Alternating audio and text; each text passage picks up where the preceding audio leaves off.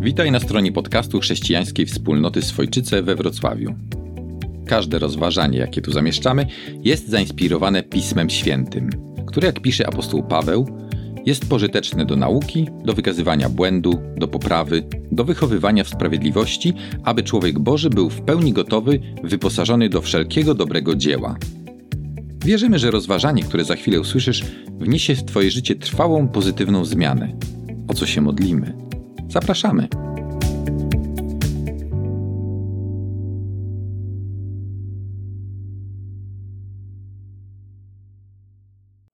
Wszyscy, jak tu jesteśmy, jesteśmy bardzo różni. Różnie wyglądamy, mamy różne charaktery, różne usposobienia, różną pozycję w życiu, różny czas naszego życia. Różni nas wiele. Każdego z nas, jak tu jesteśmy. Każdy z Bożej łaski jest inaczej obdarowany, jest wyjątkowy. A jednak przy całych tych wszystkich różnicach, jakie nas dzielą, łączy nas kilka spraw, a jedna, o jednej wiem na pewno. Mianowicie, każdy z nas albo kiedyś skrzywdził kogoś, albo został przez kogoś skrzywdzony. Doskonale wiesz, że trudno jest pogodzić się z wyrządzoną ci krzywdą. To może zająć nawet całe lata. I żeby nie było tak łatwo w życiu, na dodatek jeszcze przyszło nam żyć w dziwnym świecie, zgodzisz się ze mną. Pogmatwany i pokręcony świat najpierw odrzucił prawdę jako taką, zastąpił ją kłamstwem, i dzisiaj nawet jak próbujemy mówić prawdę, to się nam zarzuca, że kłamiemy albo dzielimy ludzi. Natomiast jeżeli powtarzasz kłamstwo, to wszyscy ci przyklaskują. Więcej jeszcze, nawet to, co zostało z tej prawdy, świat próbuje zdewaluować i obniżyć wartość tego, co nazywamy prawdą. Powiesz, co z tego? Co mnie to obchodzi, co świat tam wyprawia? Nie ma to dla mnie najmniejszego znaczenia. A jednak, a jednak kłamstwo i karykatura prawdy sięgają nawet naszego życia z Bogiem. Przykład? Nawet nasze pojęcie pobożności i duchowości jest dzisiaj wykrzywione. W sztucznym, plastikowym świecie, w którym przyszło nam żyć, stworzyliśmy sztuczne, plastikowe pojęcie życia z Bogiem, karykaturę pobożności, która ma niewiele wspólnego z tym, o czym uczy Słowo Boże. Niektórzy na przykład żyją w przeświadczeniu, że wystarczy uczestniczyć w jakimś wydarzeniu religijnym, nawet bez zrozumienia i zaangażowania, wystarczy być i już się czują pobożni. Znasz takich ludzi, prawda? Co bardziej wnikliwi, przybierają pobożną postawę, coś takiego. Jak jestem pobożny. Pomnikowa pobożność. Ale żeby nie chodzić zbyt napuszonym, to postanowili niektórzy z nich zdecydować się na skromność. Znam ludzi tak bardzo pokornych, że aż pękają z dumy. Też takich znasz? Wielu z nas żyje w przekonaniu, że pobożność polega na tym, aby od Boga oczekiwać wszystkiego, co dobre i co jeszcze lepsze i jeszcze lepsze. Jeśli życie zaczyna ich chłostać, gniewają się na Boga i odchodzą. Nasze środowisko na pewno jest wstrząśnięte wywiadami jednej z e, bardziej znanych osób w świecie muzyki, która zaczyna właśnie zachowywać się jak pogniewana osoba na Pana Boga. Dla niektórych w końcu żyć z Bogiem oznacza chodzić dwa centymetry nad ziemią. Halleluja, glory. Nie przyjmują do wiadomości, że pobożne życie może też przynosić trudy i zmagania. Dlatego muszą ukrywać swoje wady, przywary i deficyty i często muszą ukrywać swoje duchowe zmagania.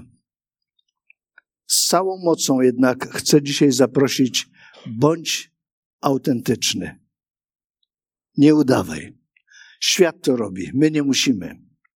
Wielu z nas musi sobie sporo poukładać. Musimy zmienić nastawienie i niektóre poglądy, a zmiana zawsze niesie za sobą ból i trud. Zmiana nigdy nie jest łatwa, zwłaszcza zmiana nastawienia. A więc siebie i każdego z nas tu obecnych zapraszam do podjęcia decyzji zmiany. Jest możliwa. Jak śpiewaliśmy w kilka pieśni, jest, ta zmiana jest możliwa dzięki Bożej łasce. Nie musimy opierać się na sobie, nie musimy uciekać się do własnych możliwości, ale możemy oprzeć się na Bożej łasce i oczekiwać, że Bóg będzie nas zmieniał, a my podążajmy za Nim. Chciałbym, żebyśmy się przenieśli w czasie do XIX wieku przed Chrystusem i żebyśmy się przenieśli w miejscu, mianowicie z Wrocławia przenieśmy się do Memphis Egipcie. A więc widzisz to? Jesteśmy otoczeni ludźmi dziwnie ubranymi. XIX wiek przed Chrystusem, Memphis, Egipt, pięknie słońce świeci. Zaglądnijmy do sali audiencyjnej pewnego dostojnika największego ówczes, e, ówczesnego supermocarstwa Egiptu. Ten dostojnik był drugą osobą w państwie, drugą co do znaczenia i drugą co do potęgi. Nazywał się Safnat Paneach. Safnat Paneach. Takie imię faraon nadał Józefowi, który jeszcze siedem lat wcześniej był osadzony w więzieniu na podstawie fałszywych oskarżeń. W pałacu ma miejsce wyjątkowa scena, a my mamy okazję przyglądać się jej i przysłuchiwać, ażeby uczyć się autentyczności. Oto przed Safnach, Paneachem, otoczonym sługami i żołnierzami z jego ochrony, stoi jedenastu Beduinów, biednie ubranych może nawet potarganych, oskarżonych o kradzież szczególnego, cennego dla gospodarza przedmiotu, srebrnego kielicha. Żeby znaleźć się w tym położeniu najpotężniejszej po faraonie osobistości w Egipcie, Józef przebył bardzo daleką drogę. Ze szkółki niedzielnej już wiemy, jak daleką. Doskonale wiemy, jak do tego doszło. Młody marzyciel będąc faworyzowanym synem swego tatusia, najmłodszy naówczas syn Jakuba, którego ojciec faworyzował w nieuzasadniony, wręcz gorszący sposób, bezmyślnie, a może z poczuciem nawet wyższości, dzielił się swoimi marzeniami i snami. Pamiętacie, jakie to były sny? Wszyscy mu się kłaniali. Oczywiście to zaognia tylko i tak bardzo złe stosunki z niechętnymi mu i zazdrosnymi braćmi. Mówimy o atmosferze w rodzinie patriarchów. To nie jest pomnikowa pobożność. To są intrygi, to jest grzech, zazdrość, ta rodzina od pokoleń borykała się z różnego rodzaju problemami. Kłamstwo, zdrada, podstęp, egoizm, faworyzowanie. Ta lista jest bardzo długa. Wszystkie te dysfunkcje narastały z pokolenia na pokolenia. Z każdego pokolenia były większe i bardziej dotkliwe.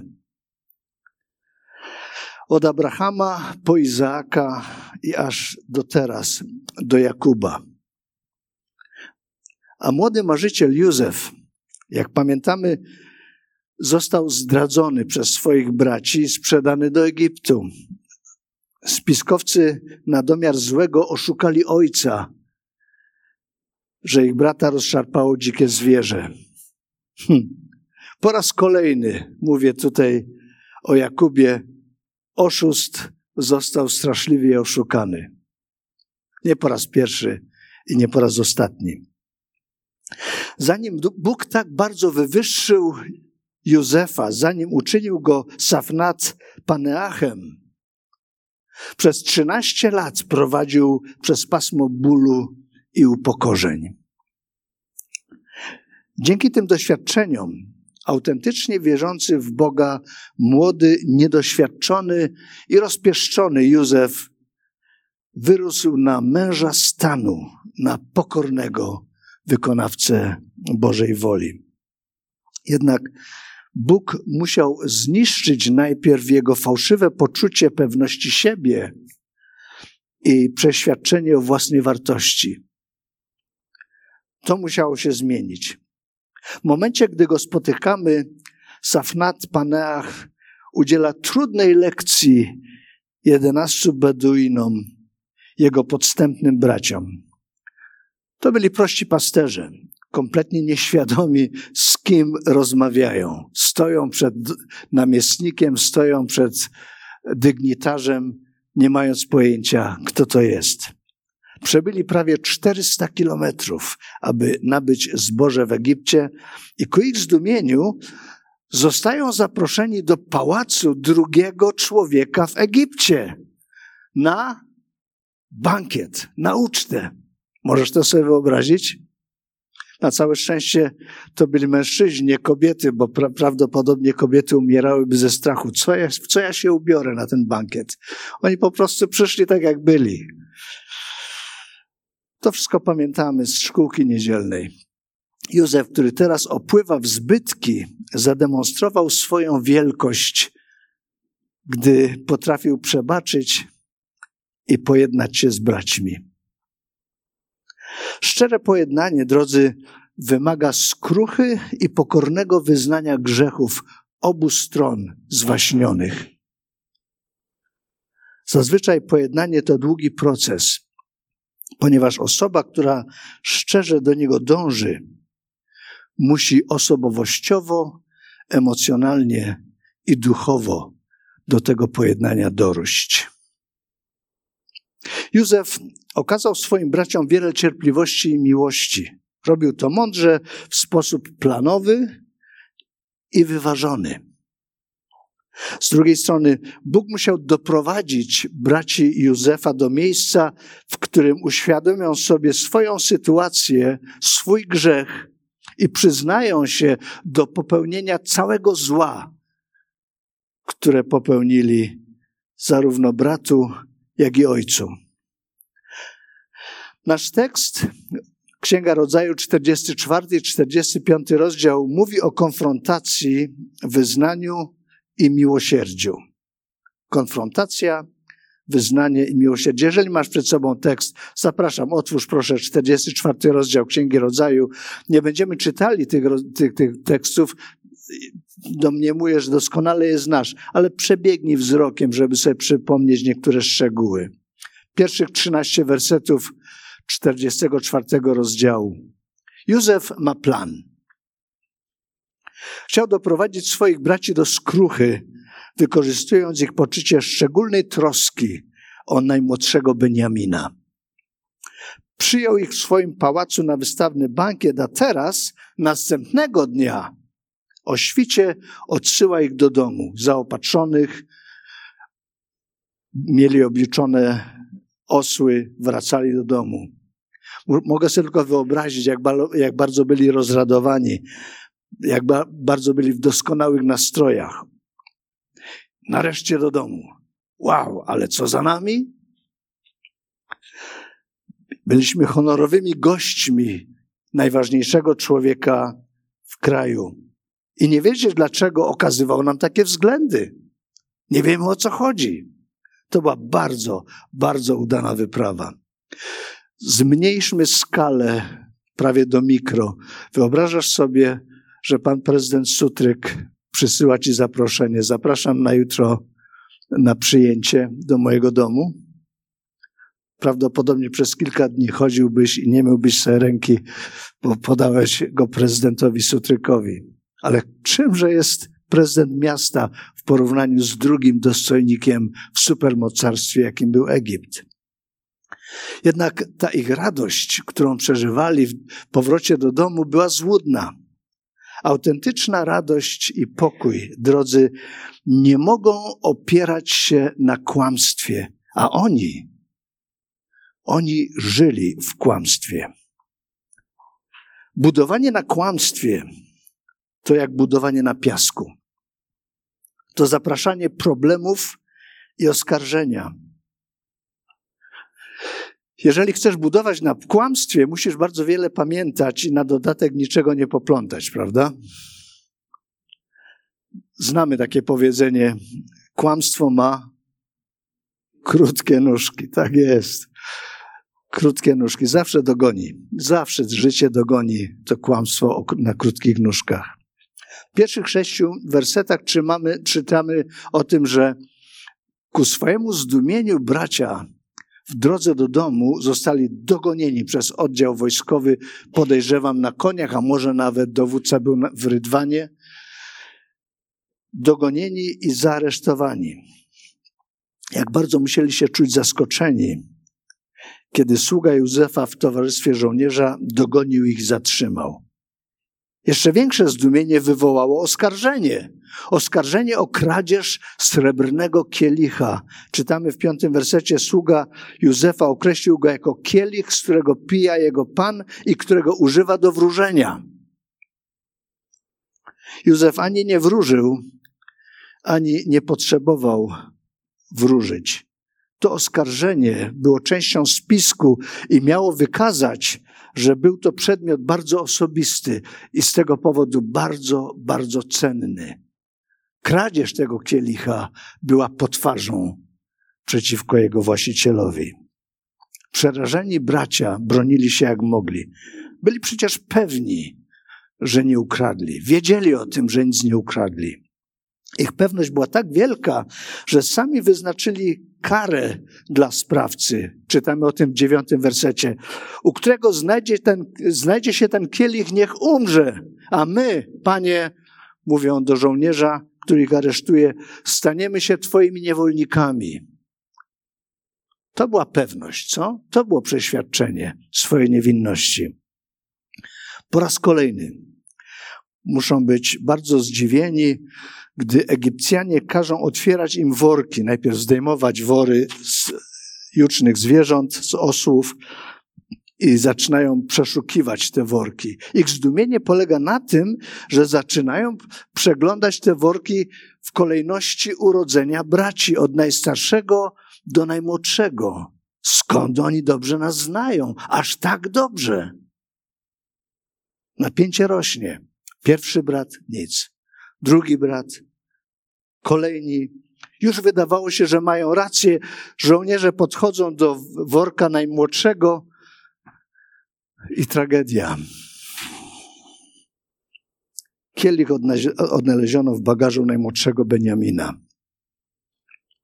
Mimo, że wolno im iść dalej, zaaresztowany jest tylko winowajca, wszyscy solidarnie wracają do miasta. Czytamy w trzynastym wersecie. I musimy skonstatować, wow, nastąpiła ogromna zmiana w postawie braci. Teraz są solidarni. Rozdzierają szaty z niedowierzania w to, co się stało. Wreszcie znowu stają przed Józefem, ale to spotkanie teraz jest zupełnie inne. Srogie miny, napięta atmosfera w niczym nie przypominają jeszcze niedawne serdeczne przyjęcie i wspaniałe, wspaniałą ucztę. I wtedy, drodzy, kolejna zmiana, Juda zabiera głos. Czytamy o tym w drugiej części 44 rozdziału. Nie był najstarszy, ale teraz on podejmuje inicjatywę. Zresztą zobowiązał się przed ojcem, że szczególnie będzie dbał o najmłodszego brata. W szesnastym wersecie czytamy: Cóż możemy odpowiedzieć mojemu panu? Pyta, cóż możemy powiedzieć, jak się usprawiedliwić? I tutaj kapitalna zmiana. Bóg doszukał się winy w Twoich sługach. Wow! Nareszcie, na to czekaliśmy. To właśnie po to Józef poddaje ich próbie. To dlatego kielich znalazł się w bagażu Beniamina.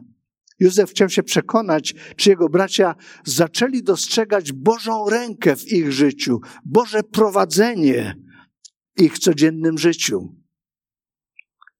Nawet w zdarzeniach, które mogły wydawać się braciom bardzo nie fair, mogli dojrzeć Boże prowadzenie, tak jak ja i ty możemy to widzieć. W sprawach, których może nie do końca rozumiemy, których nawet się boimy, albo które nas przerażają. Tym wszystkim może być Boża ręka. Chciał się dowiedzieć, Józef, czy nauczyli się postrzegać świat w sposób, w który przede wszystkim liczą się Boże prowadzenie i Jego wola i posłuszeństwo Bożej woli. I słowa Judy tego dowodzą. Jesteśmy winni. Bracia, którzy dotychczas żyli w kłamstwie, bracia, którzy dotychczas ukrywali swoją winę przed światem, teraz oficjalnie mówią: Jesteśmy winni. Co za zmiana. Jest w tym po prostu szczery i autentyczny. Wszyscy dobrze wiemy, że Juda nie mówi o kielichu, bo przecież go nie ukradli. Tak naprawdę odnosi się do tego, co stało się 20 lat wcześniej. Wraca do tych ponurych dni, kiedy poniżyli swojego brata Józefa, znienawidzonego, pogardzanego, kiedy go zdradzili i sprzedali do niewoli. Juda wreszcie zdaje sobie sprawę, że Bożej uwadze nic nie umknie, a oni cały czas próbowali ukrywać swój postępek z przeszłości. Cały czas nie byli w stanie wyznać swojego grzechu. To była konfrontacja. Teraz popatrzmy na wyznanie. Bracia okazują troskę o najmłodszego. Wersety od 14 do 33. Tutaj następuje zmiana. Jesteśmy winni. Bóg to wie. Kielich był w naszej sakwie właśnie dlatego, żebyśmy uświadomili sobie swój stan, żebyśmy przestali żyć w alternatywnej rzeczywistości. Zrozumieliśmy to. Będziemy Twymi niewolnikami. Józef jednak po raz kolejny ich zaskakuje. 17 werset. Józef mówi: W żadnym wypadku nie mógłbym tak postąpić. Tylko ten, u którego znaleziono kielich, będzie moim niewolnikiem. Wy natomiast idźcie w pokoju do waszego ojca. Dlaczego Józef mówi coś takiego? To kolejna próba. W pierwszej chciał się dowiedzieć, czy w swoim codziennym życiu wreszcie liczą się z Bożą obecnością. Drodzy, ja i ty, każdy człowiek na świecie, czy zdaje sobie z tego sprawę, czy nie, w, każdym, w każdej milisekundzie swojego istnienia żyjemy wobec świadka, który zawsze jest obecny. Oni sobie z tego zdali sprawę. Bóg doszukał się winy w Twoich sługach. Wreszcie to pojęli. Ale czy zmienił się ich stosunek do Ojca? Dwadzieścia lat wcześniej cynicznie i bezdusznie go oszukali, że jego ukochany syn nie żyje. Biblia o tym wprawdzie nie mówi, ale pozwólcie, że puszczę wodze fantazji. W atmosferze takiej rodziny, przy tego rodzaju problemach, z jakimi się borykała rodzina Józefa, Jakuba wcześniej, domyślam się, że bracia, kiedy kładli przed ojcem potargane szaty, zbroczone krwią, te wielobarwne szaty, w których chodził najmłodszy Józef, robili to z jak gdyby z poczuciem satysfakcji. No masz, widzisz? Tak bardzo o niego dbałeś. Oczywiście to jest tylko gra wyobraźni. O tym Biblia nie mówi ale trudno mi sobie nie wyobrazić tego, że w jakiś sposób chcieli się odegrać za faworyzowanie, za niewłaściwe traktowanie, nierówne traktowanie dzieci. Teraz Józef musi się przekonać, że ich postawa wobec ojca uległa zmianie. Tylko ten, u którego znaleziono kielich, będzie moim niewolnikiem, mówi. Wy natomiast idźcie w pokoju do waszego ojca. Od 18 wersetu do końca tego rozdziału znajdziemy przepiękną przemowę Judy. Jak powiedziałem, nie jest najstarszym z braci, ale on bierze na siebie cały obowiązek. Niespodziewanie zajmuje miejsce głowy domu i staje w obronie swego najmłodszego brata.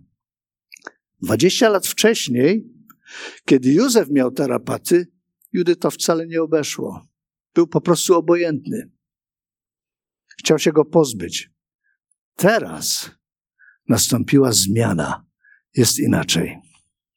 Martwi się o los Benjamina, a więc i tutaj nastąpiła zmiana w sposobie myślenia i w sposobie postępowania. Jak powiedziałem w swojej przepięknej mowie, wersety od 18 do 33, daje dowód przemiany swojego serca i nastawienia do bliskich. I aby zwiększyć serce dostojnika egipskiego, jakiego w Józefie widział, odwołuje się do uczuć ojca. Wiedział, że ten pan, ten Egipcjanin ma dzieci i dlatego mówi: Mój ojciec będzie cierpiał. To go przyprawi o śmierć, jeżeli jego syn Benjamin nie wróci. Nie miał pojęcia, że za każdym razem, gdy z troską i czułością wspomniał swojego ojca Jakuba oraz gdy stawał w obronie Beniamina, do głębi poruszał serce Józefa. Błaga o uwolnienie Beniamina i robi to nie dla siebie, ale robi to ze względu na swego ukochanego ojca. Końcówkę jego wypowiedzi od 30 wersetu przeczytam. Teraz więc Gdybym przyszedł do Twojego sługi, mojego ojca, bez tego chłopca, z którym jest bardzo związany, umarłby, widząc, że go nie ma. Twoi słudzy przyczyniliby się do tego, że Twój sługa, nasz ojciec, stąpiłby w smutku do krainy umarłych. Ja, Twój sługa, mówi Juda, zapewni, zapewniłem mojego ojca. Mój ojcze, jeśli go nie przyprowadzę do ciebie, będę na całe życie winny wobec ciebie. Teraz proszę cię, niech twój sługa zostanie niewolnikiem zamiast tego chłopca, a on niech wraca z braćmi. Nowy Juda, nowi bracia, nowa atmosfera w tej rodzinie, nowy sposób myślenia i nowa solidarność między braćmi. I dochodzimy do trzeciego kroku miłosierdzie. Miłosierdzie okazane w przebaczeniu. W 45 rozdziale czytamy w wersetach od pierwszego do 15. Zebranie, na którym przyszło stanąć znowu tym biednym Beduinom, było bardzo oficjalne. Byli tam dostojnicy, urzędnicy egipscy, była też ochrona Józefa. Ale Józef teraz, wzruszony do głębi, chciał porozmawiać o starych sprawach rodzinnych, dlatego kazał wszystkim wyjść. Możemy się jedynie domyślać, że wielu z tych Egipcjan czyhało przy drzwiach, nasłuchiwało przy drzwiach, zawsze gotowi do tego, aby natychmiast zareagować. W pierwszych czterech wersetach 45 rozdziału czytamy: Józef nie mógł już dłużej zapanować nad sobą przed tymi, którzy go otaczali, dlatego krzyknął: Zostawcie mnie samego. Gdy oprócz jego braci nie było nikogo, Józef dał im się poznać. Wybuchnął, wybuchnął tak głośnym płaczem, że usłyszeli to Egipcjanie i dworzanie faraona. Wtedy Józef rzekł do swoich braci: ja jestem Józef. Czy żyje jeszcze mój ojciec? Lecz jego bracia nie byli w stanie mu odpowiedzieć, gdyż bardzo się go bali. Józef rzekł więc do, do, nich: Zbliżcie się do mnie. A gdy się zbliżyli, powiedział: Ja jestem wasz brat Józef, którego sprzedaliście do Egiptu. Proste słowa: Jestem Józef. A jednak musiały sprawić na braciach piorunujące wrażenie. Oni słyszeli co prawda słowa i to na dodatek w swoim własnym, ojczystym języku. Nagle usłyszeli dostojnika egipskiego, który mówi do nich po hebrajsku kolejna niespodzianka, ale wciąż nie mogli zrozumieć, nie mogli pojąć istoty tego, co słyszeli. Skąd ten Egipcjanin zna imię ich nieżyjącego brata? Co tu jest grane? Dlaczego podaje się za brata i to wywołuje w nich, w ich sercach tak straszliwe poczucie winy? Skąd wiedział, co oni z nim kiedyś zrobili? Ich najpilniej strzeżony sekret przestał być tajemnicą. Możemy sobie jedynie wyobrazić ich przerażenie. Piąty werset. Nie martwcie się i nie wyrzucajcie sobie, że sprzedaliście mnie tutaj. I to jest ten, to zdanie, które jest najważniejsze w całym 45 rozdziale. Bóg bowiem posłał mnie przed wami, by ocalić wam życie. Są to słowa człowieka, który nie chowa urazy. Człowieka, który swoje życie ukrył w rękach Boga i całkowicie mu zaufał. Niezależnie od bólu. Niezależnie od problemów, przez które musiał przejść. Długo, długo nie rozumiał ciągu bolesnych zdarzeń w swoim życiu, ale teraz polegając na Bogu, składając swoje całkowite zaufanie w to, co Bóg z nim robił, nagle powiązał te wszystkie sprawy, jak my mówimy, połączył wszystkie kropki i zobaczył całą logikę tego wszystkiego, co się działo z nim i w jego życiu. Bóg posłał mnie tutaj przed wami. Bóg ukształtował wielkiego lidera, pełnego Bożego strachu w sercu i pełnego miłosierdzia dla ludzi, którzy byli wokół niego. Józef niczego nie udaje, jest autentyczny. Jeśli chcesz uporządkować swoje życie, musisz dokonać zmiany, podjąć decyzję. O własnych siłach nie dam radę, muszę oprzeć się na nim, na Chrystusie. Sam nie dasz sobie rady. Jeśli będziesz kombinować, przeszłość zawsze cię dogoni. Zawsze.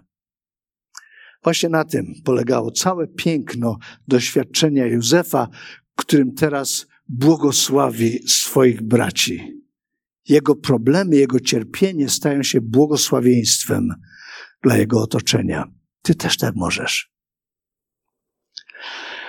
Na koniec kilka uwag.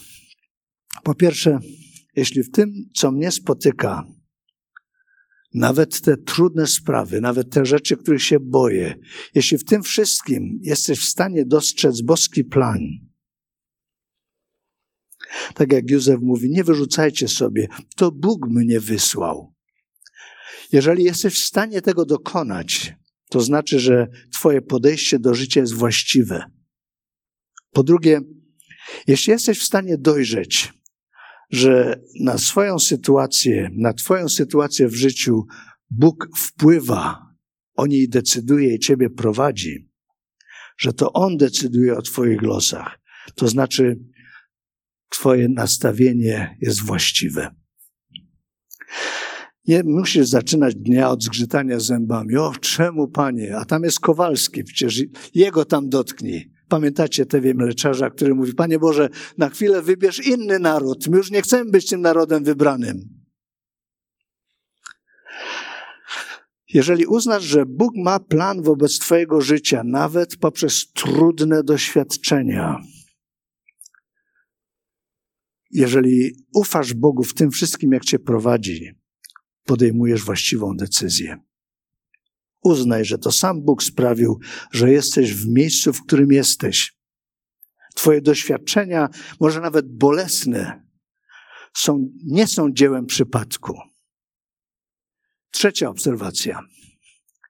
Jeśli jesteś w stanie zaakceptować nie tylko dobro, ale również to, które, to całe zło, które może być częścią Twoich doświadczeń, tak jak w życiu Józefa, to znaczy, że Twoje podejście do życia jest właściwe. Co z tego wynika? Jaka jest lekcja dla nas dzisiaj? Chciałbym, oczywiście nie mamy szans, żeby poznać życie tych trzech pokoleń w sposób szczegółowy. Myśmy tylko dotykali przez ostatnie trzy niedziele pewnych epizodów z życia patriarchów, ale odwołuję się do Waszej doskonałej pamięci i znajomości ich życia. Podsumujmy, co znaczy być autentycznym przed Bogiem. Po pierwsze, autentycznie wierzący są ulepieni z tej samej gliny, co ja i ty. To nie są jacyś nadludzie. Mają swoje wady, a nawet upadki, a mimo wszystko Bóg używa ich dla swojej chwały, dla chwały swojego imienia. Czy to nie pocieszające wiedzieć, że Bóg Cię kocha i chce użyć Ciebie jako narzędzie? Dajesz Mu siebie do dyspozycji? Jesteś otwarty na to, aby Bóg Cię wypychał tam, gdzie być może się boisz iść? Pozwolisz Mu na to? Czy chcesz dać się zdominować egoizmowi i rozczulaniem się nad sobą? Wolisz zaufać Jemu? Czy wolisz urządzać życie po swojemu? Po drugie, autentycznie wierzący ludzie polegają na Bożej łasce. Tak, płacą za swoje grzechy i błędy, to jest oczywiste, a jednocześnie uczą się ze swoich upadków, całkowicie polegając na Bogu. Dla nich życie jest jak szkoła. Lekcje są wymagające, ale nauczyciel najlepszy. Łaska Boża, Bóg pełen łaski. Drodzy, wróg, mój i twój, nasz wróg chce skierować uwagę Bożych dzieci na ich wady i upadki. Chce wzbudzić w nas wyrzuty sumienia. Chce przykuć naszą uwagę do przeszłości.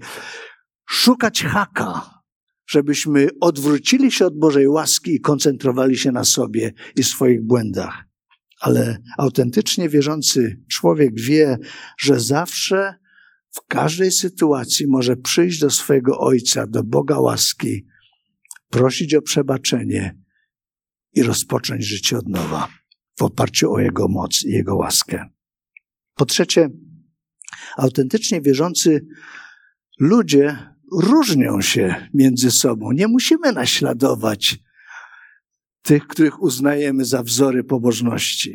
Możemy być sobą i być pobożni inaczej. Izak, Jakub, Józef, każdy z nich był zupełnie innym. Dla każdego z nich Bóg miał swoje drogi, prowadził ich na swój jedyny, wyjątkowy sposób. Możemy ze zdumieniem patrzeć na ich upadki, błędy, a jednak sam Bóg nie wstydził się nazwać siebie Bogiem Abrahama, Izaaka i Jakuba. Przy tych ludziach Bóg mówi: Ja jestem Bogiem Izaaka, Jakuba, Abrahama, Izaaka, Jakuba. W liście do Hebrajczyków, w drugim rozdziale, czytamy, że Jezus też się nie wstydzi mnie i ciebie. Powiedział, że jesteśmy Jego braćmi. Drugi rozdział, jedenasty werset. Zarówno bowiem uświęcający, mówi o Panu, jak i uświęcani to znaczy ja i ty, wszyscy wywodzą się z jednego. Z tej to przyczyny nie wstydzi się nazwać ich swymi braćmi. Jezus nie wstydzi cię, ciebie nazwać swoim bratem, swoją siostrą. Po czwarte, autentycznie wierzący wiedzą, że życia, życie jest pielgrzymką, że tu i teraz to jeszcze nie jest koniec. Pielgrzym czyni postępy podąża do wyznaczonego celu i nie przywiązuje się do spraw bieżących, niezależnie od tego, czy to był wielki sukces, czy wielka porażka. Wie, że przed nim jest jutro. Ta pielgrzymka nas kształtuje. Ktoś powiedział: Historia są jak schody. Historia jest jak schody. My idziemy stopień po stopniu, zostawiając za sobą ślad. I to jest właśnie piąta obserwacja. Autentycznie wierzący mają wpływ na swoje otoczenie. Mamy wpływ na ludzi żyjących wokół nas, czy zdajemy sobie z tego sprawę, czy nie. Najważniejsze w życiu nie jest to, co można z życia wycisnąć, ale to, dokąd w nim zmierzamy i co po sobie zostawimy. Ktoś pięknie powiedział, że nad trumną zmarłego świętego jest jedna rzecz, która się nie daje pochować. To jest jego charakter. Ja i ty stoimy dziś wobec bardzo ważnego pytania. Czy chcesz być mdłą kopią ludzi, których uznajesz za autorytety? Czy może ciekawym i wyjątkowym oryginałem? Bądź autentyczny. Amen. Gdy w Twoich uszach brzmią jeszcze słowa rozważania, zachęcamy Cię, żebyś w krótkiej modlitwie zwrócił się do Boga, aby utrwalał swoje słowo w Twoim codziennym życiu.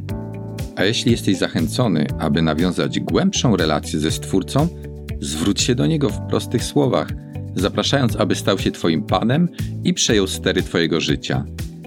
Zapraszamy Cię, abyś nas odwiedził na niedzielnym nabożeństwie, jeśli jesteś z Wrocławia lub okolic. Nasz adres znajdziesz na stronie internetowej www.wroclaw.kwch.org.